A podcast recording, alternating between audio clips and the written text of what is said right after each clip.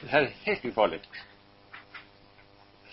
Da Gud gav Abraham løftet om en kjempestor ett,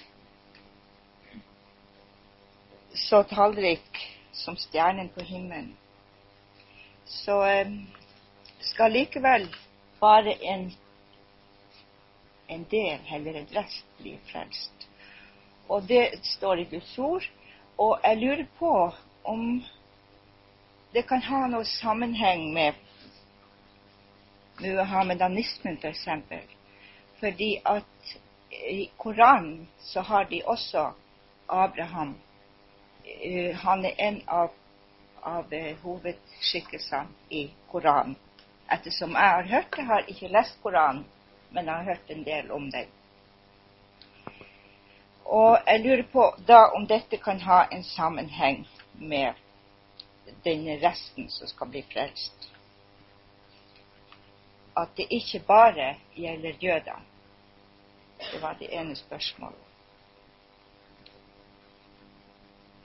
Og så sa du at Abraham ofra alt det var veien til Guds eget sted, Golga. Eh, har han faglig, så forstår ikke jeg det der helt og fullt. Så det må sikkert mange bibeltimer til for at man skal skjønne det. Så har jeg et lite tilleggsspørsmål. Den eh, klippemoskeen som står på Tempelplassen midt i gammelbyen Jerusalem, der befinner jo dette Moria-berget seg. Det, kan det ha sammenheng med det som står hos eh, Daniel om den styggdommen som skulle reise seg på dette hellige sted? Takk.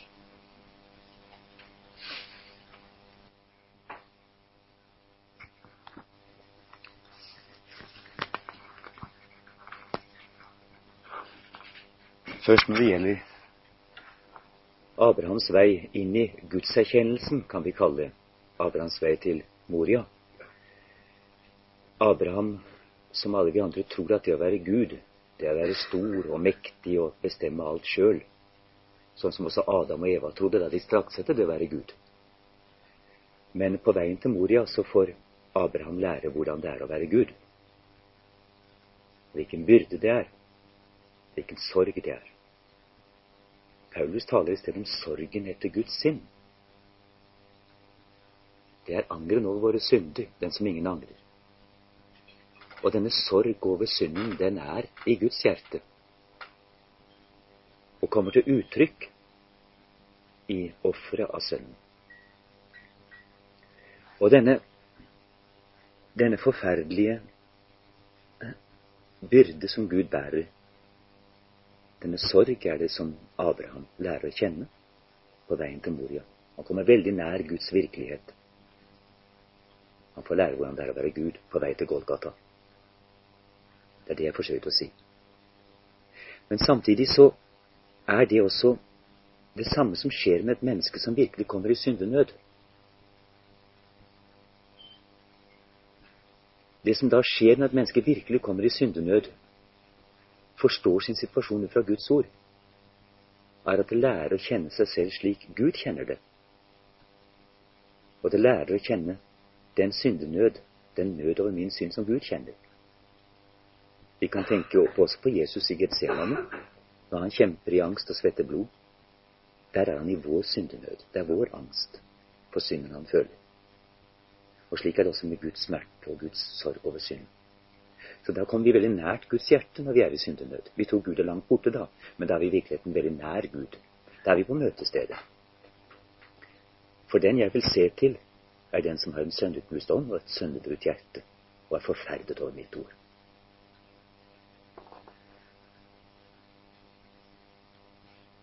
Men selvfølgelig, dette er ikke noe som er lært med hokus pokus i løpet av en bibeltime.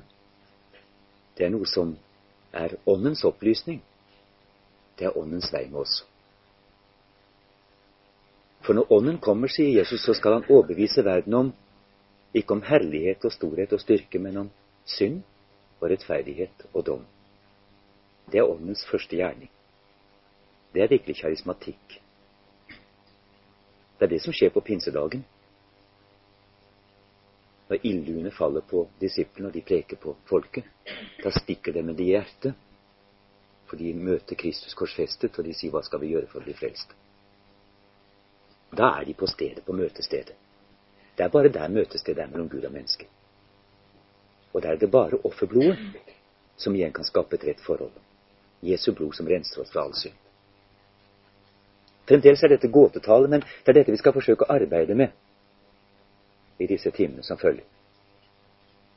Om veien til Golgata, veien til Sion og lammets blod. Så kommer vi til resten som skal bli frelst.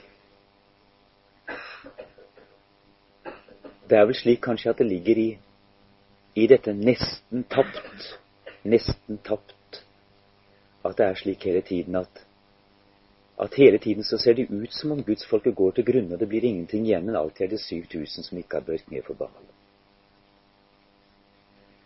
Altså, alltid ser det ut som det er slutt, men så er det ikke slutt allikevel. Gud begynner blant de sønderbrutte og sønderknuste, de ødelagte.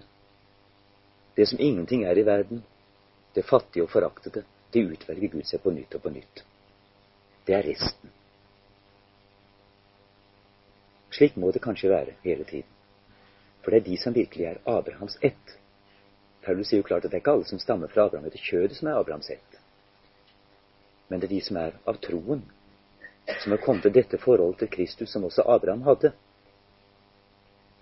Som er kommet til dette forholdet til Gud, som også Abraham hadde. Det er de som er Abrahams barn. Og Derfor er det ikke bare jøder som er Abrahams barn, men også kristne er Abrahams barn i kraft av troen. Han argumenterer jo om det i Galaterbrevet og, og Romerbrevet særlig Galaterbrevet. Det skal vi også komme inn på siden. Når det gjelder muhammedanerne, ja, Abraham som har en stor plass, så har Abraham en stor plass fordi muhammedanerne også regner seg som Abrahams barn. Men de stammer fra Abraham gjennom hans første sønn, som het Ismail. De gjør ikke krav på å være Isaks etterlinger, men de gjør krav på å være Ismails etterlinger. Og kanskje vi neste gang burde ta for oss akkurat dette som står om Ismail. Gud gjør også ham til stort folk, står det. Tolv konger skal utgå fra ham. Han skal være som et villesel, leve øst for sine brødre og være fiende. Et, et, et villesel av et menneske. Det er alltid et hat mellom Ismail og Isak. Paulus sier jo at liksom Ismail forfulgte Isak, så forfølger også de som er av kjødet de som er etter ånden. Gjerningsrettferdighetens menneske forfølger de som troens mennesker. Slik er det, sier Paulus. Og det går jo faktisk alt konkret i oppfyllelse i det store åndelige oppgjøret i dag. For du har en araberverden som står for Ismail, og som oppfatter seg selv som det rette Guds folk i kraft av det, men som faktisk talt allerede er avslørt i, sin, i sitt utgangspunkt det er gjerningsrettferdigheten som forfølger rettferdigheten av tro, rettferdigheten av ånden, kjødet som forfølger ånden. Men de står ikke alene om å være det. Det har vi midt i vår kristne verden, akkurat det samme. Vi kan si det bare er et ytre uttrykk for det. At det også spilles på det historiske plan, f.eks. mellom Israel og Ismail, som nå er dødelige fiender. Slik som det også var i gammeltestamentlig tid. Så underlig er det, altså at like som Ismael sto som en fiende til Isak, så står også den muslimske verden som fiende til Israel i dag. Er ikke det tidenes tegn? Det er helt utrolig at det er slik. Og at disse som er erklærte fiender, virkelig oppfatter seg selv som Ismaels etterkommere. Men det er bare på det ytre plan. På det indre plan ser det annerledes ut. Derfor følger de som holder seg til gjerninger og gjerningens rettferdighet, Altså vår egen hellighet, vår egen fromhet, vår egen religion. Vi forfølger dem som ikke har noen annen religion enn Kristus Jesus og Han korsfestet. De som ikke vet noe annet møtested mellom Gud og mennesker enn der hvor jeg er fullstendig tilintetgjort. Mitt hjerte er sønderknust av Guds sorg over synden. Og at de ikke vet noen annen rettferdighet enn den som fås ved Jesu blod. Det er der den egentlige åndelige kamp står. Og fordi dette er en hemmelighet, så blir det bare en rest som alltid virkelig griper det og blir frelst. Vi kan si dessverre er det slik, men det er bare slik. Vi kan ikke forstå at det skal være slik, men det er slik. Hva slags frelsestanker Gud har med andre mennesker, det vet vi ikke. Er det mange som blir frelst, var det en som spurte Jesus. Og Jesus svarte omtrent som så, hva angår det deg, kjemp du for å komme inn. Og det er slik vi må tenke. Vi har fått den dyrebare skatt opp gjennom hendene, opp i hendene, og vår sak er å kjempe troens gode strid, så ingen tar vår krone. Jeg har alltid tenkt det slik at gjennom denne lille rest som virkelig tror og bekjenner og lider og dør, aktet som slaktefår, så skal også flere bli frelst. Det er kanskje en kjettersk tanke, men det er ikke noen absolutt tanke.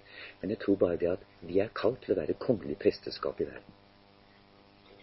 Paulus kan snakke om å utfylle det som enda mangler i Kristi lidelse. Vi vet ikke hvilke konsekvenser det får. At troens folk holder ut i forfølgelse og lidelse og død. Det kan frelse mange. Vi sår en sæd. Det er noe som bærer frukt i sin tid.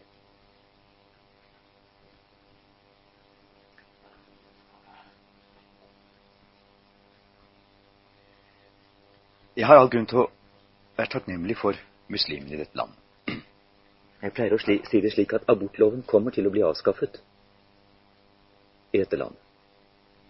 Det spørs bare, bare i hvis navn den blir avskaffet. Om det er i Jesu navn eller i Muhammeds navn. Jeg har flere ganger fått blomster fra The Muslim Family Organization. Ved hver rettssak fått blomster fra. Når jeg møter muslimer, så føler jeg at jeg kommer på mange måter til gode mennesker. Mennesker som ønsker meg vel. Mennesker som har sant for rettferdighet. Mennesker som står imot barnedrap mennesker som ønsker å leve et, et hellig og sant liv. Alt det er der. Og det gjør oss til skamme. Og likevel vet jeg at det er noe som mangler, selv om jeg skammer meg. Og det er det som jeg ikke enda har aktet så dyrebart som jeg burde, nemlig offeret, lammet som bærer verdens synd. Det er det som er den store forskjellen. Og det var en som var muslim bedre enn noen, og det var Paulus. Og han sier om hele sin gamle rettferdighet, hele sin gamle godhet, hele sin gamle glød for rettferdighet mot abortlov og alt vondt. Han sier, 'Jeg akter det som skarn. Jeg ser på det som dritt.' I forhold til det å vinne rettferdigheten, ikke av meg, men av Kristus. Så skarpt må vi si det. Vi må våge det men det vil også tvinge oss til en dypere og sannere kristendom enn det vi praktiserer i dag. Unnskyld at jeg brukte så mange ord på det, men jeg, jeg syns det var viktig. Dette med Daniels bok, Ja. Det var styggedommen, ja. Daniels bok og styggedommen. Ja, det er ikke så godt å si hva det er for noe. Det ble jo i sin tid reist et keiserbilde i helligdommen, og det ble oppfattet som styggedommens tegn. Og det var jo ikke så lenge etter at faktisk talt at Jerusalems tempel ble brutt ned. Det står at når de ser vederstyggeligheten stå på det hellige sted, så skal de flykte opp i fjellene, komme seg ut av byen. Og det er kanskje det nærmeste. At det ble virkelig reist hedenske tegn i jødenes helligdom. Og det var et varsel om at nå kom dommen snart over Jerusalem. De ordene har vi fra Jesu egen munn også. Det er ikke bare fra Daniel. Jesus henter det fra Daniels bok, og sier det samme. Det blir Der blir Matteus 24, vel. Det er vel der det står, ja. Men vi kan også tenke det i åndelig forstand, for vi har jo gang på gang sett hvordan Guds rikes tegn og bilder gjentar seg. Bare på nye plan, ikke sant? Vi kan se på ofrene og alt sammen. Og det kan tenkes at dette med vederstyggelighetens ødeleggelse, vederstyggelighet, at det også har noe med dette som kalles for lovløshetens hemmelighet å gjøre, som Paulus taler om i 2. Tessalonikerbrev i det annet kapittel, hvor han taler om Antikrist, som setter seg selv i Guds tempel og gir seg selv ut for å være Gud. Altså han gir sine egne meninger ut for å være Guds ord. Han forandrer vel Guds ord, forfalsker det, gjør seg selv til Gud i Guds helligdom. Ja, det er jo en konsekvens av syndefallet. Jeg har sagt litt om det før. Det er en gamle Adam i høyeste potens. Og Det er jo logisk at det en gang må åpenbares på den måten. At virkelig syndens menneske, som, Jesus, som, som Paulus også sier, syndens menneske må åpenbares først. Vi må virkelig få se det konkret, oppleve det konkret, hva det vil si at mennesket er en synder i opprør mot Gud. Da setter han seg i Guds helligdom. Jeg tror denne antikrist er noe mer enn paven i Rom. Paven i Rom kan jo kanskje på en måte av og til i historien vært som et slags forvarsel om det. En norsk biskop kan også være et forvarsel om det. En vanlig sandprest på landet kan være forvarsel om det, fordi han med, i sin egensindighet på mange måter kan representere noe av denne ånden. Men en gang kommer denne ånden til å tre frem i full styrke. Og det må i hvert fall være ødeleggelsens vederstyggelighet. Når syndens menneske står i Guds helligdom og utgir seg selv for Gud, og forfører mesteparten av jordens befolkning. Ja, alle andre enn akkurat de som har sine navn opptegnet i boken hos landet som er slaktet før verdens grunnlov ble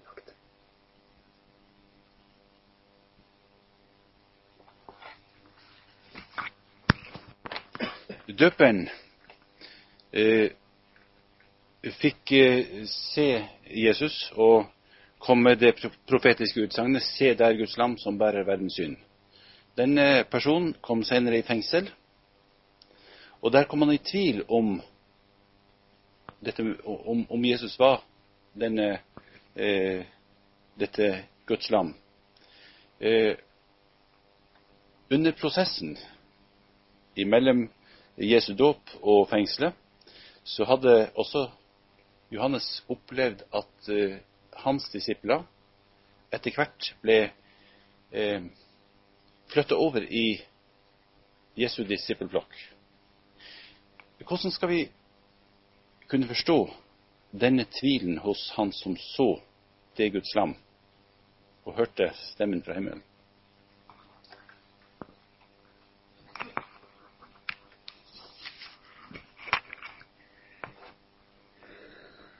Det er stor forskjell på det å erkjenne en slik ting, sånn som Johannes erkjente det gjennom Jesu dåp, og det å selv å komme inn i det og fordele det.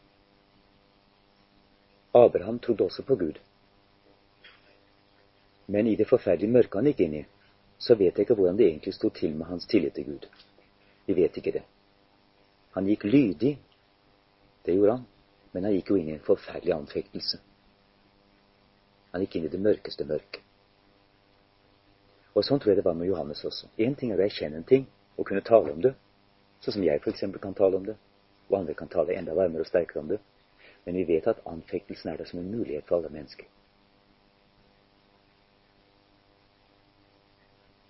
Jesus ble ført i ørkenen, ut i ørkenen for å friste av djevelen.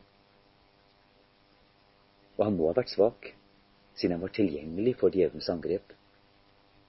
Det må ha vært med nød og neppe at han seiret. Ellers hadde det ikke vært noen vits i hele historien. Han ble virkelig anfektet. Og det var til og med åndens verk.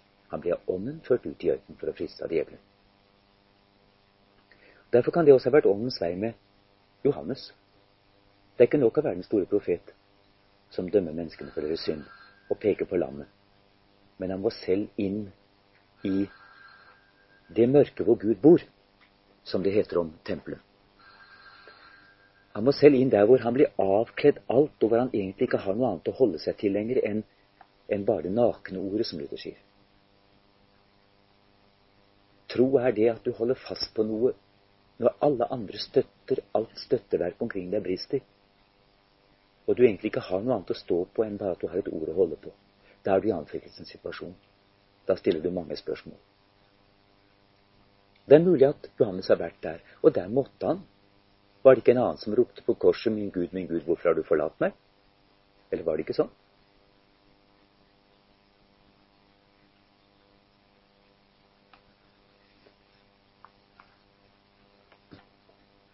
Det er ikke noe Vi kan si uansett hvor stor sikkerhet vi får i denne verden, så kan det alt, alt sammen tas fra oss. Vi kan gjøre til det elendigste alle mennesker og tvile på alt. Og allikevel er ikke tvil det motsatte av tro.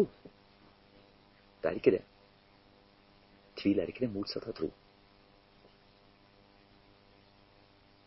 Det motsatte av tro er sikkerhet. Trygghet på seg sjøl.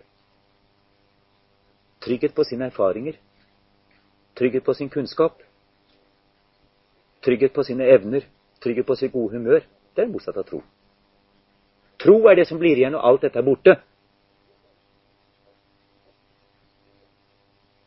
Og det er et Guds under. Troen. Og bare ordet er igjen. Og du må ta Gud på ordet i mørket, som Luther sier.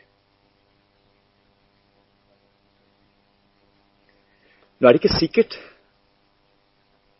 at Johannes tvilte i fengselet. Men én ting er sikkert, hans disipler måtte absolutt tvile. Og de så hvordan det gikk med ham. De hadde all grunn til å tvile. Selv om Johannes selv sto gjennom anfektelsen og skjønte at det måtte være sånn. For det fins ikke noen annen lønn for Guds tjener enn fengsel og død. Så måtte hans disipler være anfektet. Og derfor sendte han dem til Jesus. Det er våre gamle trosfedres forklaring på det. Og det tror jeg er ganske sannsynlig, egentlig. Det er kanskje der det ligger. Anfektelsen har Johannes hatt så sant han har hatt troen. Det har han hatt. Det hadde han sikkert i fengselet òg. Men når han sendte disiplene for å spørre Jesus, så var det kanskje først og fremst for disiplenes skyld. De hadde noe å komme tilbake med og fortelle. Ja.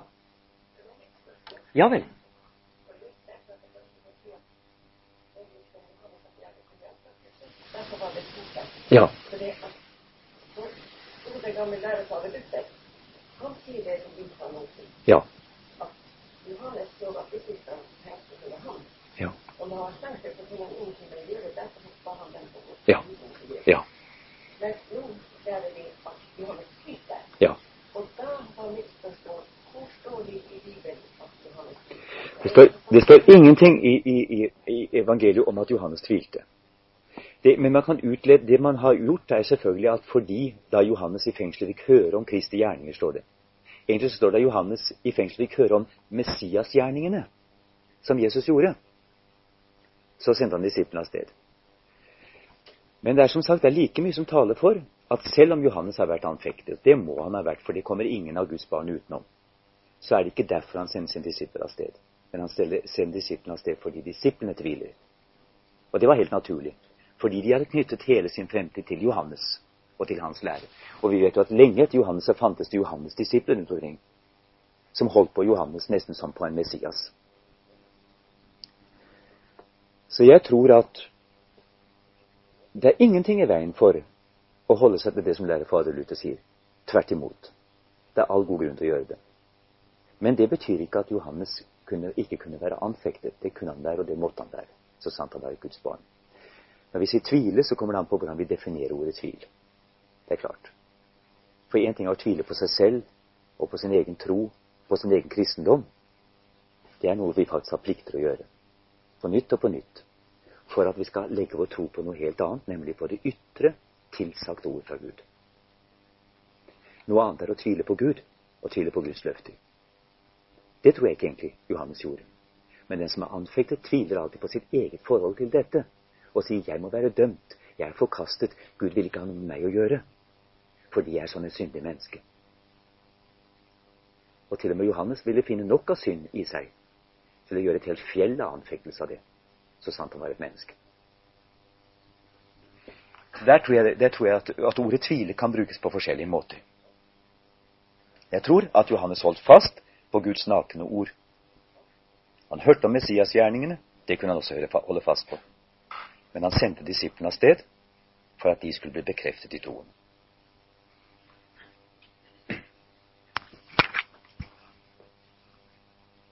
Vi har et siste spørsmål. Du var inne på den eh, oversettelsen av ordet om lammet som ble slaktet fra verdens grunnvoll ble lagt. Altså et offer som var, var med der hele tida. Kan dette være et, et svar inn i det dilemmaet eller den anfektelsen som mange opplever ved tanken på de som, som dør uten å ha hørt ordet? Eh, de barn som, som forlater livet uten dåp. Eh, er dette her et svar inn i det utsagnet vi har fra Det gamle testamentet, ja, fra Hebreabrevet også, om at mennesker ble frelst ved tru i den gamle pakt. Eh, lammet som var slaktet fra verdens grunnvoll, ble lagt.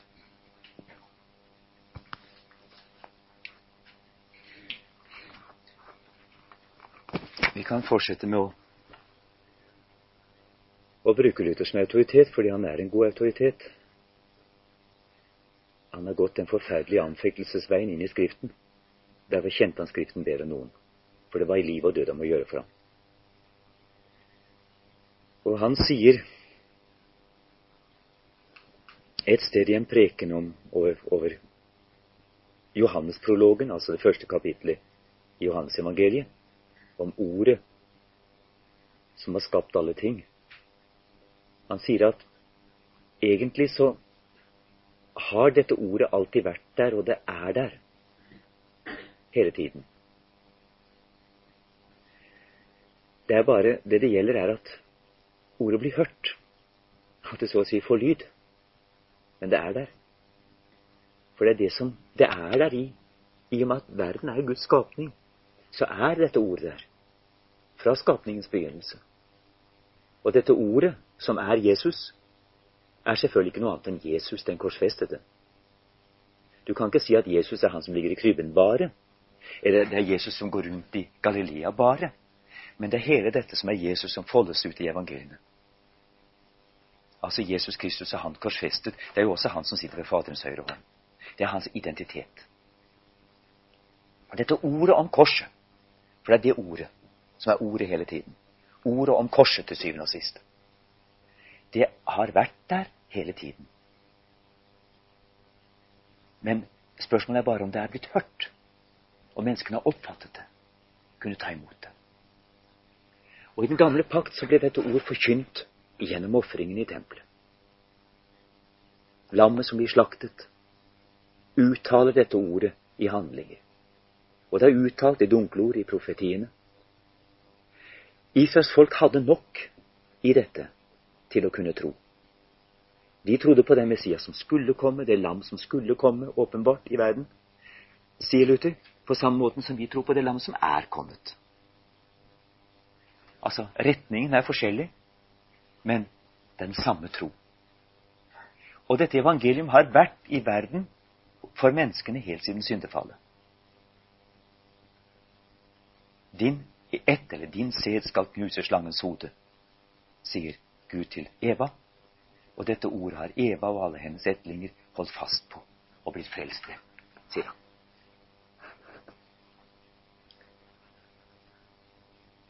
Dette ordet var i Abel når han bar frem dette offer, f.eks. Slike ting. Og dermed har Luther gitt seg en tanke som kanskje kan utvides også, fordi det betyr at ordet har hele tiden vært i verden. Guds vilje til å frelse gjennom sin sønn har hele tiden vært i verden. Og så er det ikke opp til oss egentlig å sette grenser for hvor langt dette ordet kan ha nådd mennesker. Det nådde Israel. Vi vet ikke om det kan ha nådd videre ut. Vi vet ikke hvordan det er. Vi vet bare at Kristus steg ned i dødsriket, står det, og prekte for åndene som var i varetekt. Hva prekte han for dem der? Det betyr i hvert fall at det også var håp for de slekter som var døde og var forvart i dødsriket. På en eller annen måte. At han tydet ordet for dem. At han sto frem som ordet for dem. Og så var det et eller annet som gjorde at det ble skille mellom menneskene. Noen gikk fortapt, og noen ble frelst. Kanskje det var slik. Vi vet ikke. Men det står i hvert fall slik at han steg ned i dødsriket og prekte for åndene som var i varetekt. De som var gjenstridige under syndflodens tid osv. Vi vet ikke hvor langt Guds frelse når. Det vi vet, er det vi har å holde oss til. Tror du det, så har du det. Når vi hører ordet og griper de tro, så har vi det. Når vi tar imot nattverdssakramentet, lammet i brød og vin, og tror det, så har vi det. Og Gud har talt på mange måter til fedrene ved profeten, mange ganger til fedrene ved profeten. Og i disse siste tider han da talt oss ved Sønnen. Vi har det fullt og tydelig og klart. Men vi vet ikke hvor langt dette ord, som lyder gjennom alle ting, ja, som til og med på en måte har lytt gjennom alle land som har blitt ofret utover hele verden, ut fra en dyp, uklar erkjennelse. Vi vet ikke hvor langt dette ordet har nådd inn i menneskesjelene, og hvem som blir frelst ved det. Men lenger tør jeg ikke gå. Jeg gjør ikke det? Jeg tør ikke gå lenger. Kirkefedrene gikk mye lenger. De snakket om noe som heter logospermatikos, sædordet, som var der og kunne på en måte flamme opp i menneskenes hjerter. I hvert fall som en lengsel etter rettferdighet. En lengsel etter noe de ikke forsto. Og at det kunne bli regnet dem til rettferdighet. En som er veldig opptatt av dette, det er Hans Nilsen Hauge den store vekkelsespredikanten, han lærer at hedningene kunne bli frelst, selv før misjonæren kom. Men det er klart at dette er tanker som er fryktelig farlige hvis vi setter dem i system. Da er vi straks inn på det som har blitt så moderne i senere tid. At det ikke fins noen fortapelse. Og det er jo ikke mening i hele greia. Da blir hele Guds innsats og hele Guds sorg og hele Guds lidelse blir meningsløs.